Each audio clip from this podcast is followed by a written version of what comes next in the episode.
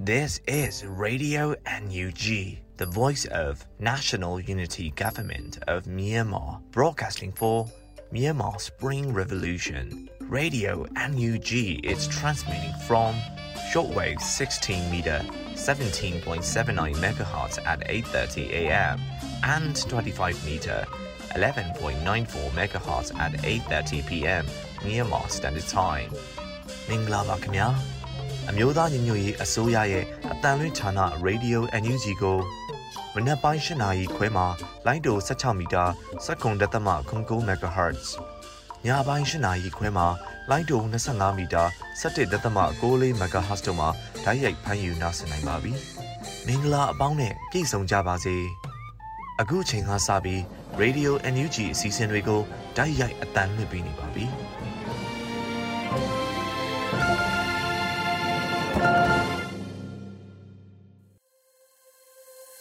မြန်မာနိုင်ငံသူနိုင်ငံသားအပေါင်းတဘာဝပြီးဆေးရနာရှင်ပြီးတို့ကနေကင်းဝေးပြီးကိုစိတ်နှစ်ပါးဘေးကင်းလုံခြုံကြပါစေလို့ရေဒီယိုညူချီဖွယ်သားများကဆုတောင်းမြတ်တာပို့သလာရပါတယ်ရှင်။အခုချိန်ကစပြီးပြည်တွင်းသတင်းတွေကိုတော့လွတ်လပ်နေဦးကဖတ်ကြားတင်ပြပေးပါတော့မယ်ရှင်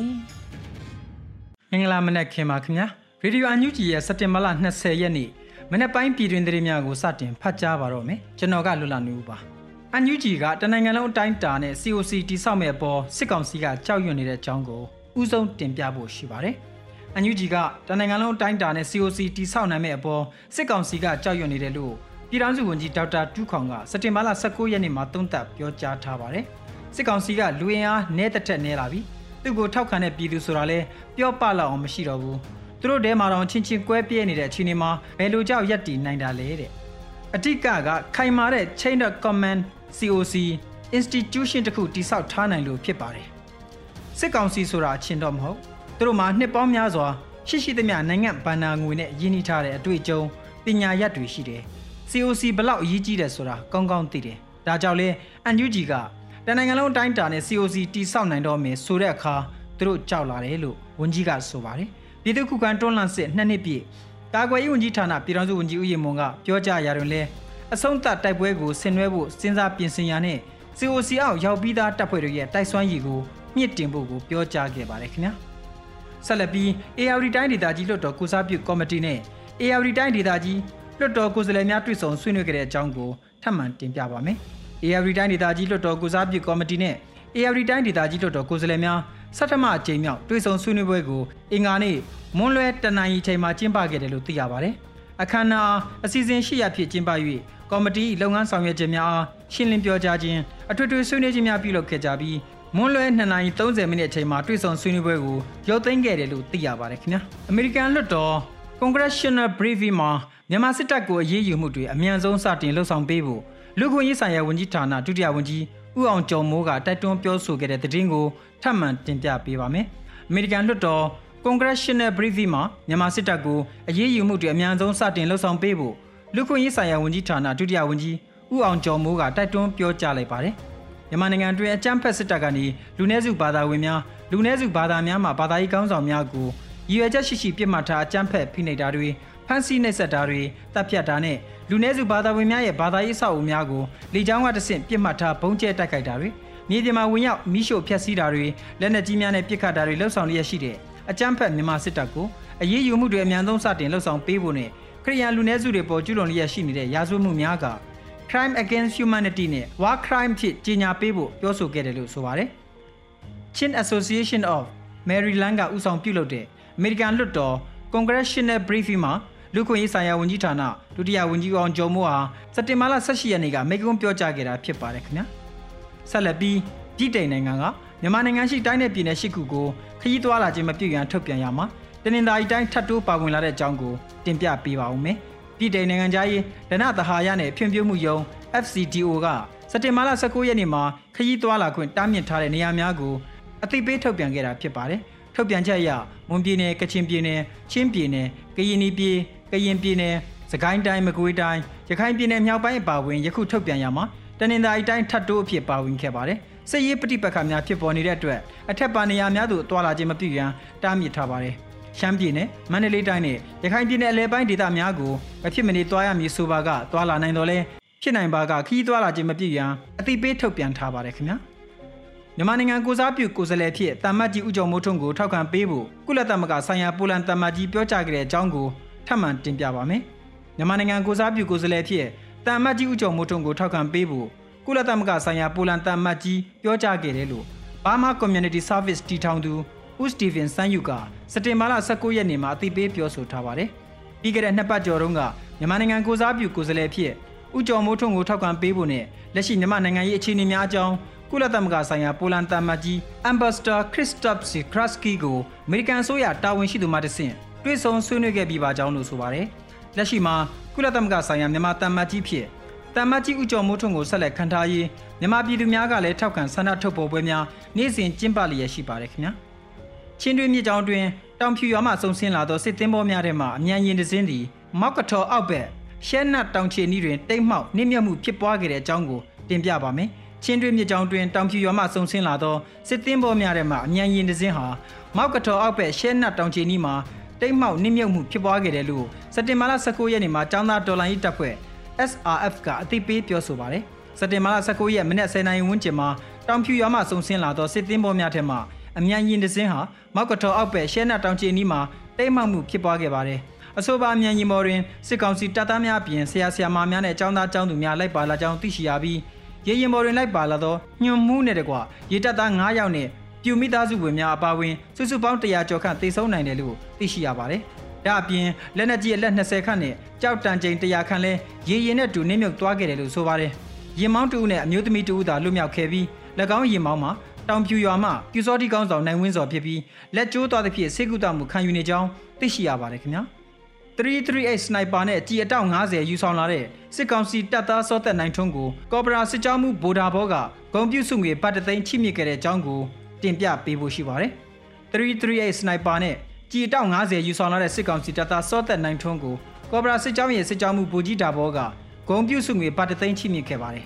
တပ်မ44လက်အောက်ခံခမရ9ကတပ်သားစောသက်နိုင်ထွန်းကပြည်သူရင်ခွင်ကိုခိုလုံခဲ့တဲ့အတွက်338စနိုက်ပါနဲ့ကြီးတွေယူလာပြီးအလင်းဝင်ခဲ့ပြီးကော်ပရာစစ်ကြောင်းရဲ့စစ်ကြောင်းမှုဗိုလ်ကြီးတာဘောကကြိုဆိုလက်ခံခဲ့တယ်လို့သိရပါတယ်။၎င်းစစ်ကောင်စီတပ်သားဟာတောင်ပိုင်းတိုင်းဒူပလျာခရိုင်ကော့ကရိတ်မြို့နယ် PDF တပ်ရင်းစီကိုအလင်းဝင်ရောက်ခဲ့တာဖြစ်ပါတယ်ခင်ဗျာ။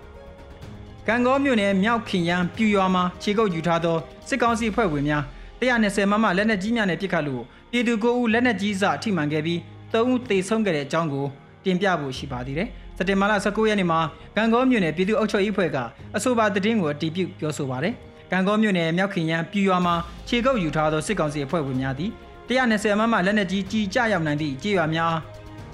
စစ်ရေးပြစ်မှတ်မဟုတ်ဘဲနေ့စဉ်ရက်ဆက်ပစ်ခတ်လျက်ရှိပါတယ်။ 2023ခုနှစ်စက်တင်ဘာလ16ရက်နေ့မှာမြောက်ခင်ရန်ကြေးရွာမှ120မမလက်နက်ကြီးနဲ့ပစ်ခတ်မှုကြောင့်ကံကောမြို့နယ်မြင်းသားကြေးရွာတွင်းရှိပြည်သူနေအိမ်ပေါ်သို့ကြာရောက်ပောက်ကွဲခဲ့တယ်လို့ဆိုပါတယ်။၎င်းလက်နက်ကြီးကြီးကြရောက်ပောက်ကွဲမှုကြောင့်ကလေးငယ်များအပါအဝင်အပြစ်မဲ့ပြည်သူ9ဦးလက်နက်ကြီးစာထိမှန်ခဲ့ပြီးအသက်23နှစ်အရွယ်မျိုးသား2ဦးနဲ့အသက်20အရွယ်မျိုးသမီး2ဦးနေရာမှာတိတ်ဆုံးခဲ့ရပြီးရင်ပတ်နဲ့ညာဘက်ပေါင်တို့လက်နက်ကြီးစာထိမှန်ထားသည့်အသက်69နှစ်အရွယ်မျိုးသမီး2ဦးယနေ့တွင်ဆေးကုသမှုခံယူရင်းထပ်မံတိတ်ဆုံးခဲ့ပါတယ် ထို့ပြင်အသက်3နှစ်အရွယ်မိန်းကလေးငယ်၏ညာခြေသို့လက်နက်ကြီးစာထိမှန်တန်ရာမစိုးရင်ရရရှိခဲ့ပြီးအသက်4နှစ်အရွယ်ကလေးငယ်တူ၏ညာခြေသို့လက်နက်ကြီးစာထိမှန်တန်ရာမစိုးရင်ရနှင့်အသက်17နှစ်အရွယ်မိန်းကလေးတူ၏ဘဲချီတောက်သို့လက်နက်ကြီးစာထိမှန်တန်ရာမစိုးရိမ်ရရရှိခဲ့ပါတယ်ခင်ဗျာ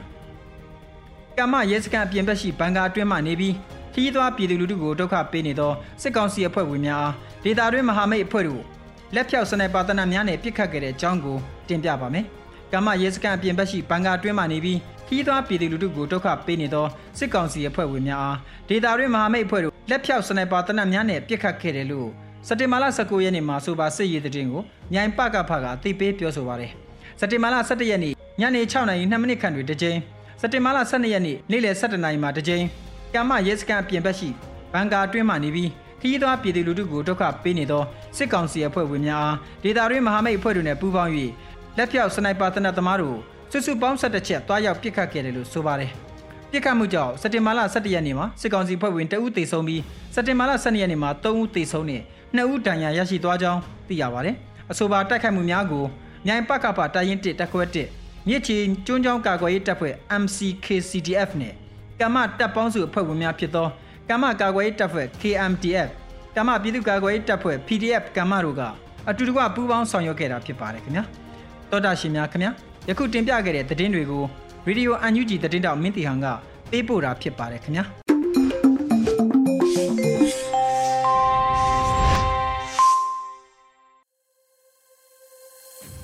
ရေဒီယိုညူချီရဲ့မနက်ခင်းစီစဉ်တွေကိုဆက်လက်တင်ပြနေပါတယ်။အခုဆက်လက်ပြီးတော်လှန်ရေးကပြအစီအစဉ်မှာတော့နေသွင်းနိုင်ရေးသားပြီးຫນွေဦးမိုးရွတ်ဖက်ထားတဲ့ငါတို့ဟာမီလီယံထဲပွင့်မဲ့မျိုးစိတ်တွေလို့အမည်ရတဲ့တော်လှန်ရေးကပြကိုနားဆင်ကြရတော့မှာဖြစ်ပါတယ်ရှင်။ငါတို့ဟာမီလီယံနဲ့ပွင့်မဲ့မျိုးစိတ်တွေမိခိုးမထွက်တော့တဲ့မိဖို့ကြောင့်နေ ပြိုပြက်သွားတဲ့ဖိုခနောက်ဖျားစင်ဘော်ကကြောက်စိမ့်ပန်းနှစ်ရှည်ပင်လို့အမြင့်တွယ်လို့ငွေကိုရေစားတယ်လို့စာလောင်မှုနဲ့အစီလည်းမစားအသားလည်းမစားစစ်နီတုံးမှာရမအောင်တာလဲကြာပရုပ်လုံးလို့ဘာမှမရှိတဲ့ပတ်စံအိတ်ဟာတရေစတစ်ခုထက်မပူတော့ငါတို့တိမ်ခဲကိုဝွန်ပလွေတွေခိုးသွားခဲ့ပြီစိတ်ရှိတိုင်း ဓားကိုထိုင်တွေးနေတော့အသက်မဲ့သူလို့တံပတ်မိသူလို့ငါတငယ်ချင်းဟာအိမ်မက်တဲလမ်းလျှောက်ကုံတင်ကားကြီးတစ်စီးအောက်ထိုးချသွားအိမ်တန်းရကြားကလက်လုတ်လက်စားမလေး KTV မှာတချင်းဆိုတက်သွားခဲ့ပြီအရတာမဲ့ကုခတ်နေရတဲ့မြင့်မှာငါမိမရဲ့ငကက်လေးလဲအပေါင်ဆုံးသွားမုတ်လင်မယားရောင်းနေတဲ့လမ်းဘေးဈေးတယ်မလေးက မိုးထိနေတဲ့ကုံစိမ်းနှုံးတွေကြားအာကိုအားထားလင်တယောက်အဖက်တင်အောင်ကောက်ယူလို့မြေခွေးတွေကအသားစိမ့်တစ်ခုလို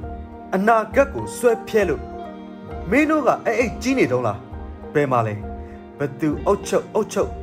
ကိုရှိမကိုစားဘယ်မှာလဲနိုင်ငံရေးဟာငါတို့နဲ့မဆိုင်ဘူးဆိုတဲ့လီလီလာလာစကားတွေဒီမှာမင်းရဲ့တိမ်ခဲကို မင်းအပကြားငစင်းလဲတွေခိုးယူသွားခဲ့ပြီငါတို့ဟာပေတရာပေါ်မှာအာနာရှင်ကိုငါကင်တုတ်ငါလုံမသားရဲ့ဂုံတရင်မဲ့ဆောက်ခွက်ကိုစတွေးနဲ့ထွေးသင်းနဲ့ပန်းပြီးမီးနဲ့ရှုပ်တောနဲ့တောင်တန်းမှာအာယုလမ်းကြောင်းကိုအတိတ်ပဲဖွင့်ချိန် Brutus မင်းနပေးများနဲ့မအေလိုးရဲ့ပေါင်ကြားတဲ့နွားတကောင်လိုတိုးဝင်သွားကြတဲ့သက်ဆက်ဖောက်တွေရဲ့အမီနာမကိုလည်းမမိတ်ထားနဲ့ဟဲ့ ငိမ့်ချမ်းနေတဲ့အချိန်မှာသားတွေကအဖေကိုတကြိုကြရပြီစစ်ဖြစ်နေတဲ့အချိန်မှာတော့အဖေတွေကသားတွေကိုတကြိုကြရတယ်။တမိုင်းပညာရှင်ဟေရိုဒတက်စကငါကြားရေနွေးပူထဲကပရွက်စိတ်တွေလို့နောင်ဘဝမြမပြည်မှာလူမဖြစ်ရလိုပါ၏။အိုးမဲ့အိမ်မဲ့ဘဝမဲ့အမေအိုကဆုတောင်းလို့ငါတို့မြို့ရဲ့ Hotel California ညတွေထဲ ဂီတာတီးတဲ့ညီလေးတွေအိမ်ပြန်မလာသေးငါတို့တိမ်ခဲပမလေးငါတို့ဟာနှင်းတွေတပွဲပွဲကြနေတဲ့စောင်းညမေးပုံတွေတချင်းတွေစူကြအောင်မှာမိုးကြီးတဲ့ပြေးလွှာစော့ကစားနေတဲ့စစ်ပွဲတွေကခုံထွက်ခဲ့ကြတဲ့ကလေးတွေရဲ့ချောင်းကလေးတစ်ခုမှာငားမြားနေတဲ့အဖိုးလေးတက်တန့်ကြီးဘလို့ပေါက်ရောက်လာတာလဲကောင်းကင်ကြီးဘာကြောင့်ပြမိုးဘာကြောင့်ရွာ ငါတို့တွေဘလောက်တန်မာခဲ့ကြသလဲရန်သူနဲ့မိတ်ဆွေဆိုတာဘာလဲမျက်ခင်းလေးတွေကိုပြောပြပြီးတမိုင်းရဲ့ရွှေရောင်မီးတောက်တွေအကြောင်းခမ်းနားတဲ့သေခြင်းဖြစ်ဖြစ်မြင့်မြတ်တဲ့ရှင်ခြင်းဖြစ်ဖြစ်လေပြေနှင်းကိုဖွဲ့ဆိုးလို့မြင့်နဲ့ပင်လေရေမြေတောတောင်တွေငှက်ကျေးလေးတွေတောင်ຫນွေဦးတရားကိုတအံ့တောနားဆင်ကြအောင်ပါပြီးတော့ ငါတို့တွေအိမ်ပြန်ရောက်အောင်ပါချစ်ချင်းမေတ္တာကလွယ်ပြီးအရာရာချွေတာရအောင်ပါဆိုတော့ငါတို့ကိုငါတို့မိမရှို့လိုက်နေညီငါတို့ကိုငါတို့မြစ်ထဲတုံမချလိုက်တဲ့အန်ဒီအသက်ကိုပိုးမွေးတယ်လို့မွေးမြူရင်အချင်းနီးသောရှင်တမှုမဖြစ်စေနဲ့ညီမရင်ငါတို့ကိုငါတို့မျိုးမသုံးပြစ်နေကွယ်ငါတို့ဟာမိတောင်ကြားတဲ့ပွင့်ရမယ်ပန်းနှက်ခတ် ဇွန်ဘီတွေလမ်းသလားနေတဲ့အမောင်ခက်မှာငါတို့ဟာတယောက်အတွက်မျက်တပင်ငါတို့ဟာတယောက်အတွက်ကောက်ရိုးတမင်ငါတို့အတွက်ငါတို့ရှင်တန်ရဲမယုံရဲမတရားဥပဒေဆိုတာရှက်ကြောပြက်နေတဲ့မိမလို့အရတာမဲ့လို့ကောင်းကင်တည့်ရဲ့နိုင်ငံတော်မှာငါတို့ဟာမသေးတဲ့ကြယ်ရောင်မျိုးဆက်ငါတို့ဟာ Power Ranger တွေဖြစ်တယ်သူရဲ့ကောင်းသူရဲ့ခဲဆိုတာ ဘယ်စုနဲ့ဖျားမှပြုတ်လုခြင်းမဟုတ်ဘူးဟဲ့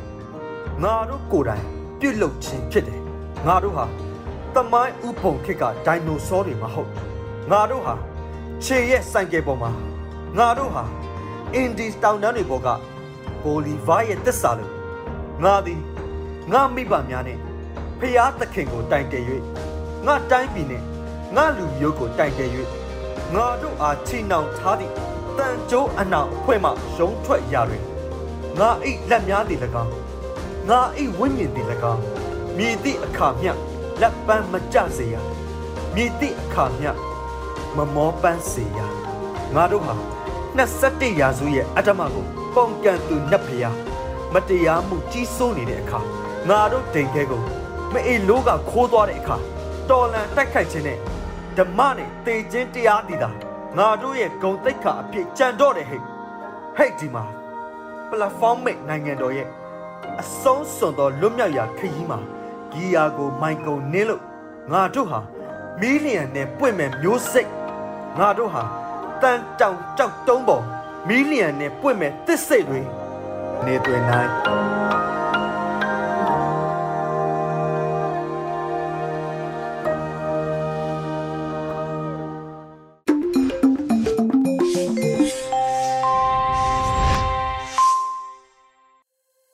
ရေဒီယိုညူချီမှာဆက်လက်တမ်းလွှင့်ပြနေပါတယ်။အခုဆက်လက်ပြီး PPTV ရဲ့နေ့စဉ်သတင်းတွေကိုတော့ထထအင်ဒရာအောင်ကဖတ်ကြားတင်ပြပေးပါတော့မယ်ရှင်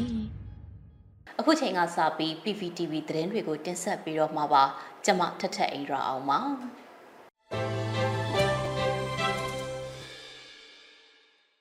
ပထမဆုံးတင်ဆက်ပေးမှာကတော့မအောင်မြင်တဲ့အာဏာသိမ်းမှုက၃နှစ်နီးပါးရှိလာပြီဆိုတာနဲ့အကြမ်းဖက်စစ်တပ်ကပြည်သူတွေကိုအကြမ်းဖက်လုပ်ရက်တွေတိုးမြင့်လှုံ့ဆော်နေတယ်လို့ APHR ဥက္ကဋ္ဌပြောကြားလိုက်တဲ့သတင်းပဲဖြစ်ပါတယ်။မြန်မာနိုင်ငံမှာမအောင်မြင်တဲ့ဆီယနာသိမ်းမှုက၃နှစ်နီးပါးရှိလာပြီဆိုတာနဲ့အကြမ်းဖက်စစ်တပ်ကပြည်သူတွေကိုအကြမ်းဖက်လုပ်ရက်တွေတိုးမြင့်လှုံ့ဆော်နေတယ်လို့လူ့အခွင့်အရေးဆိုင်ရာအာဆီယံပါလီမန်အမတ်များအဖွဲ့ APHR ဥက္ကဋ္ဌကပြောကြားလိုက်ပါတယ်။ အပြည်ပြည်ဆိုင်ရာဒီမိုကရေစီနေ့အတွက်ပေးပို့တဲ့တဝန်လောမှာအခုလိုမျိုးထည့်သွင်းပြောကြားလိုက်တာပါ။မောင်မြင်တဲ့ဆီယနာသိမ်းမှု၃နှစ်နီးပါးရှိပါပြီ။စစ်တပ်အာဏာသိမ်းပြီးချိန်ကစပြီးစစ်တပ်ကဒီမိုကရေစီနဲ့ငြိမ်းချမ်းရေးကိုလှိုလာတဲ့လက်နက်မဲ့ပြည်သူတွေအပေါ်အကြမ်းဖက်လုပ်ရက်တွေကိုတဆင့်ပြီးတဆင့်တိုးမြင့်လှုံ့ဆော်နေခြင်းကြောင့်လူ့အခွင့်အရေးအခြေအနေတွေဟာလည်းတိတိတသားကျဆင်းသွားပါတယ်။ဒါကမမှန်ဘူးဆိုတာသိပါတယ်။ အာဏာသိမ်းမှုနဲ့လူအခွင့်အရေးနဲ့တရားဥပဒေစိုးမိုးရေးကိုပျက်စီးအောင်လှုံ့ဆော်ခဲ့ကြတဲ့စစ်တပ်ထောက်ခံအားပေးသူတွေကိုမြန်မာပြည်သူလူထုက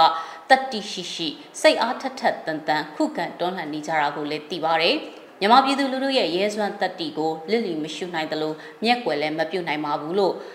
ဥက္ကဋ္ဌကဆိုထားပါတယ်။ဒါအပြင်ပြည်ထောင်စုလွှတ်တော်ကိုစားပြုကော်မတီကဒီမိုကရေစီကိုပြန်လည်ရရှိဖို့ပြုပြင်ပြောင်းလဲဖို့တည်ငြိမ်အေးချမ်းရေးကိုမြင့်တင်ဖို့နဲ့ Federal Democracy နိုင်ငံတည်ဆောက်ဖို့နိုင်ငံတကာနဲ့ပူးပေါင်းဆောင်ရွက်မှုတွေကိုဆက်လက်မြင့်တင်ဆောင်ရွက်နေတယ်လို့လည်းတဝန်လာမှာဖော်ပြထားပါတယ်။ CRPH ကဦးဆောင်ပြီးတော့လှုပ်ဆောင်ခဲ့တဲ့အလုပ်တွေကိုလည်းတွေ့ရပါတယ်။လူချင်းမင်းတို့ရဲ့တတိနဲ့ကျိုးပန်းအားထုတ်နေမှုတွေကို APHR အနေနဲ့ချီးကျူးပါတယ်။မြန်မာနိုင်ငံရဲ့ဒီမိုကရေစီဟာစစ်အာဏာရှင်တွေရဲ့တိုက်ခိုက်ခြင်းကိုခံနေရတာကြောင့်ဒီမိုကရေစီကိုကာကွယ်ခုခံတွန်းလှန်တဲ့လှုပ်ရှားမှုရဲ့အင်အားကိုအတိအမှတ်ပြုရပါမယ်။ မြန်မာပြည်သူလူထုဟာဆိုရင်ဆင်အာနာရှင်စနစ်ရဲ့ကြောက်မက်ဖွယ်ရက်ဆက်ကြမ်းကြုတ်မှုတွေကိုဆယ်စုနှစ်ပေါင်းများစွာခန်းစားနေခဲ့ကြပြီးပါပြီ။နှွေဦးတော်လိုင်းဟာဆိုရင်အပြောင်းအလဲတစ်ခုဖြစ်ပါတယ်လို့ APHR ဥက္ကဋ္ဌကပြောကြားခဲ့တာပါ။လူ့ခွင့်ရေးဆိုင်ရာအာဆီယံပါလီမန်များအဖွဲ့ APHR အနေနဲ့ အာဖရိက၊အမေရိကန်၊အာရှနဲ့ဥရောပတို့မှ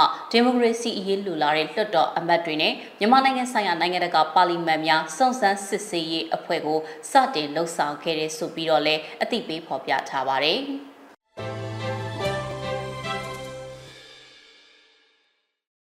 အခုတခါပြောပြပေးမှာကတော့မိုးကုတ်နဲ့မူဆယ်မှာတိုက်ပွဲပြင်းထန်နေပြီးအကြမ်းဖက်စစ်ကောင်စီတပ်သိမ်းဆုပ်မှုများပြားကလက်နက်ခဲယံတွေရရှိတယ်လို့ TNL ထုတ်ပြန်လိုက်တဲ့သတင်းပဲဖြစ်ပါတယ်။မူဆယ်မြို့နယ်နဲ့မိုးကုတ်မြို့နယ်မှာမနေ့ကတအောင်းတက်မတော် TNL နဲ့စစ်ကောင်စီတပ်တို့တိုက်ပွဲဆက်လက်ဖြစ်ပွားခဲ့ပြီးအကြမ်းဖက်စစ်ကောင်စီတပ်ကသိမ်းဆုပ်ထိခိုက်မှုရှိခဲ့တယ်လို့ TNL ကဒီကနေ့သတင်းထုတ်ပြန်ပါတယ်။စက်တင်ဘာလ18ရက်ကတမဟာ1စစ်ဒေသမူဆယ်မြို့နယ်ဟိုပေါ်ရွာမှ နမ်ကတ်တို့စင်အားအများပြားနဲ့အင်အားဖြည့်တင်လာတဲ့စစ်ကောင်စီတပ်နဲ့တိုက်ပွဲဖြစ်ပွားခဲ့ရမှာစစ်ကောင်စီတပ်ကတေဆုံးမှုများခဲ့တာပါအကြမ်းဖက်စစ်ကောင်စီတပ်စီကလက်နက်ခဲယံတလက်နဲ့ခဲယံတွေရရှိခဲ့ကြောင်းအကြမ်းဖက်စစ်ကောင်စီတပ်ကလက်နက်ကြီးတွေနဲ့ပစ်ကူတိုက်ခိုက်ပေးခဲ့ကြောင်းထုတ်ပြန်ပါတယ်တပ်မဟာနှင့်စစ်ဒေသမိုးကုတ်မြို့နယ်မှာလည်းမနေ့ကတိုက်ပွဲနှစ်နေရာမှာဖြစ်ပွားခဲ့ကြောင်းဖော်ပြထားပါတယ်။ မိုးကုတ်မြို့နယ်ကုန်းစံရွာအနီးကိုအကြမ်းဖက်စစ်ကောင်စီထိုးစစ်ဆင်လာလို့တိုက်ပွဲဖြစ်ပွားခဲ့တယ်လို့အထက်ညောင်ကုန်းရွာအနီးမှာလည်းတိုက်ပွဲဖြစ်ပွားခဲ့ကြောင်းသိရပါဗျ။အကြမ်းဖက်စစ်ကောင်စီတပ်ကကုန်းစံနဲ့အထက်ညောင်ကုန်းအနီးကိုတိုက်လျင်နဲ့နှစ်ကြိမ်တိုက်ခိုက်လာကြောင်းထုတ်ပြန်ပါတယ်။ TNL နဲ့အကြမ်းဖက်စစ်ကောင်စီတပ်တို့ဟာမိုးကုတ်မြို့မူဆယ်လာရှိုးကော့ခိုင်ကြောင်ဝဲမြို့နယ်တွေမှာတိုက်ပွဲတွေဖြစ်ပွားခဲ့ပြီးတော့ဇူလိုင်လ23ရက်နေ့ကနေဒီကနေ့အထိတိုက်ပွဲ43ကြိမ်ထပ်မံဖြစ်ပွားခဲ့ပါတယ်။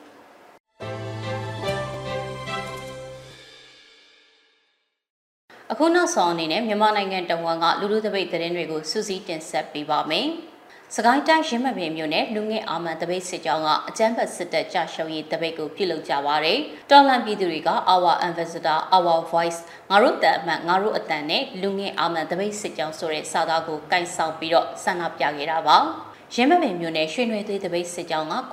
993ရက်မြောက်ဖြစ်တဲ့ဆရာနာရှင်စန့်ကျင်ရေးဆန္ဒပြတပိတ်ကိုပြုလုပ်ခဲ့ပါတယ်။တော်လန်ပြည်သူတွေကသွေးမအေးရဲ့ရွှေနွေသွေး Our Ambassador Our Voice ငါတို့တန်အမတ်ငါတို့အတန်ဆိုတဲ့စာသားကိုကိုက်ဆောင်ပြီးတော့ချီတက်ခဲ့ပါတယ်။ရင်းမပင်စလင်ကြီးရွာပေါင်းစုံတပိတ်ကလည်းအကြမ်းဖက်စစ်တပ်ကြာရှုံးရင်ဆန္ဒပြတပိတ်ကို911ရက်မြောက်အဖြစ်နဲ့ဒီကနေ့မှပြုလုပ်ပါတယ်။ တော်လန်ပြည်သူတွေက Our Ambassador Our Voice ဆိုတဲ့စာသားကိုကိုက်ဆောင်ပြီးတော့ချီတက်ဆန္ဒပြခဲ့တာပါ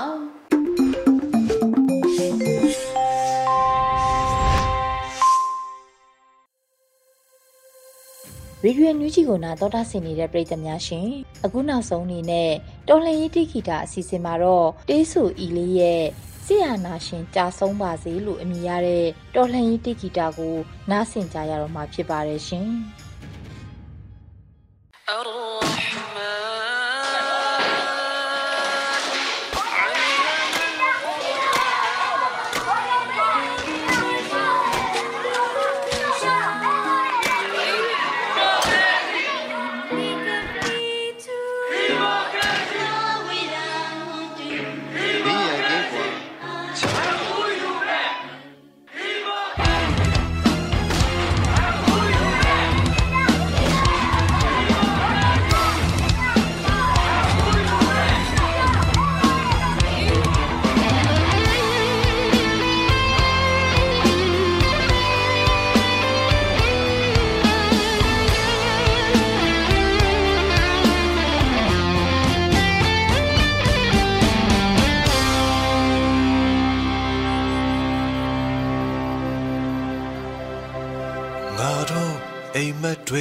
Đuôi gục phía si ngà đô na gà cô dạy chô bi mong phong nè nè đuôi si atma wara go ta twin bi lu mai lu nyan đuôi go su si lu gao tu gao nuôi nhon chô bi trong cha cha đuôi nè mu ta mya swa nè main con chi ngà đô lâu လက်မခံဘူး ဒါမျိုးလုံးဝသဘောမတူဘူးအာနာရှင်ကြဆုံးပါစေအာနာရှင်ကြဆုံးဖို့ရှင်အာလို့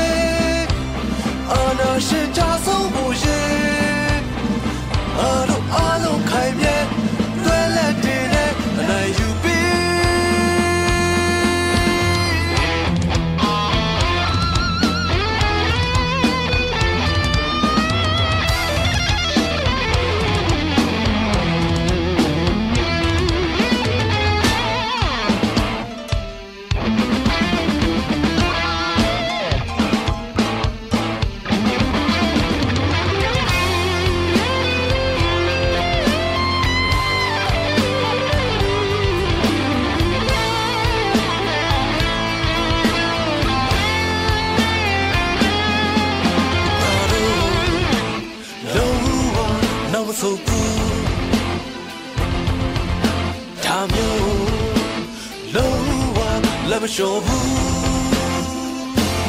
အာနာရှိကြဆုံးပါစေအာနာရှိကြဆုံးဖို့ရေငါတို့တွေ့သစ္စာနဲ့တွေ့တဲ့နေနဲ့လက်တွဲပြီးအာနာရှိကြဆုံးပါစေ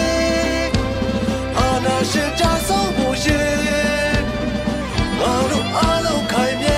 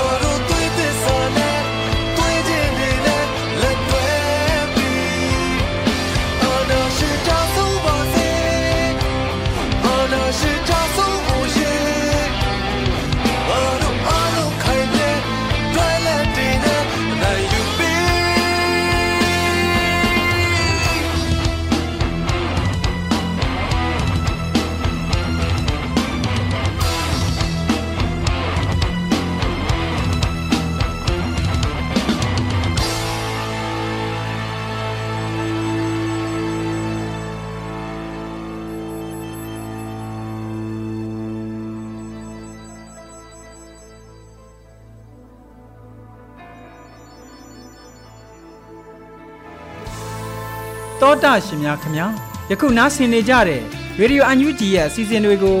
ရေဒီယိုလေးလိုင်းပေါ်မှာတိုက်ရိုက်ဖမ်းယူနားဆင်နိုင်တယ်လို့ website YouTube Telegram Facebook အစရှိတဲ့အခြားသော internet platform မျိုးစုံမှာလည်းမနေ့တစ်ကြိမ်ညတစ်ကြိမ်ပုံမှန်ထုတ်လွှင့်ပေးလျက်ရှိပါတယ် YouTube ပရိသတ်များအနေဖြင့် Radio UNG Channel ဖြစ်တဲ့ youtube.com/radiounug မြန်မာကို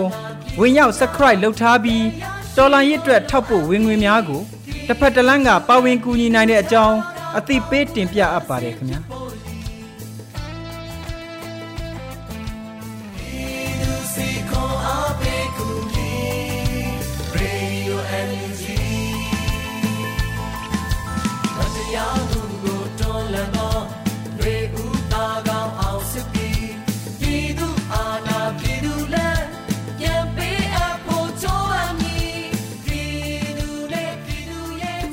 ကနေ့ကတော့ဒီညနေပဲ Radio NUG ရဲ့အစည်းအဝေးကိုခਿੱတရနာလိုက်ပါမယ်မြန်မာစံတော်ချိန်မနက်၈နာရီခွဲနဲ့ည၈နာရီခွဲအချိန်တွေမှာပြန်လည်ဆုံးဖြတ်ကြပါစို့ Radio NUG ကိုမနက်ပိုင်း၈နာရီခွဲမှာလိုင်းဒို16မီတာစက္ကန့်တသမ9 MHz ညပိုင်း၈နာရီခွဲမှာလိုင်းဒို25မီတာ17သမ6 MHz တို့မှာဓာတ်ရိုက်ဖမ်းယူနားဆင်နိုင်ပါပြီမြန်မာနိုင်ငံသူနိုင်ငံသားများကိုယ်စိတ်နှပြကျန်းမာချမ်းသာလို့ဘေးကင်းလုံခြုံကြပါစေလို့ Radio NUG အဖွဲ့သူအဖွဲ့သားများကဆုတောင်းလိုက်ရပါတယ်။အမျိုးသားညီညွတ်ရေးအစိုးရရဲ့စက်သွေးရေးသတင်းအချက်အလက်နဲ့ဤပညာဝန်ကြီးဌာနကထုတ်လွှင့်နေတဲ့ Radio NUG ဖြစ်ပါတယ်။ San Francisco Bay Area အခြေစိုက်မြန်မာမိသားစုများနဲ့နိုင်ငံတကာကစေတနာရှင်များလှုပ်အားပေးများရဲ့ Radio NUG ဖြစ်ပါတယ်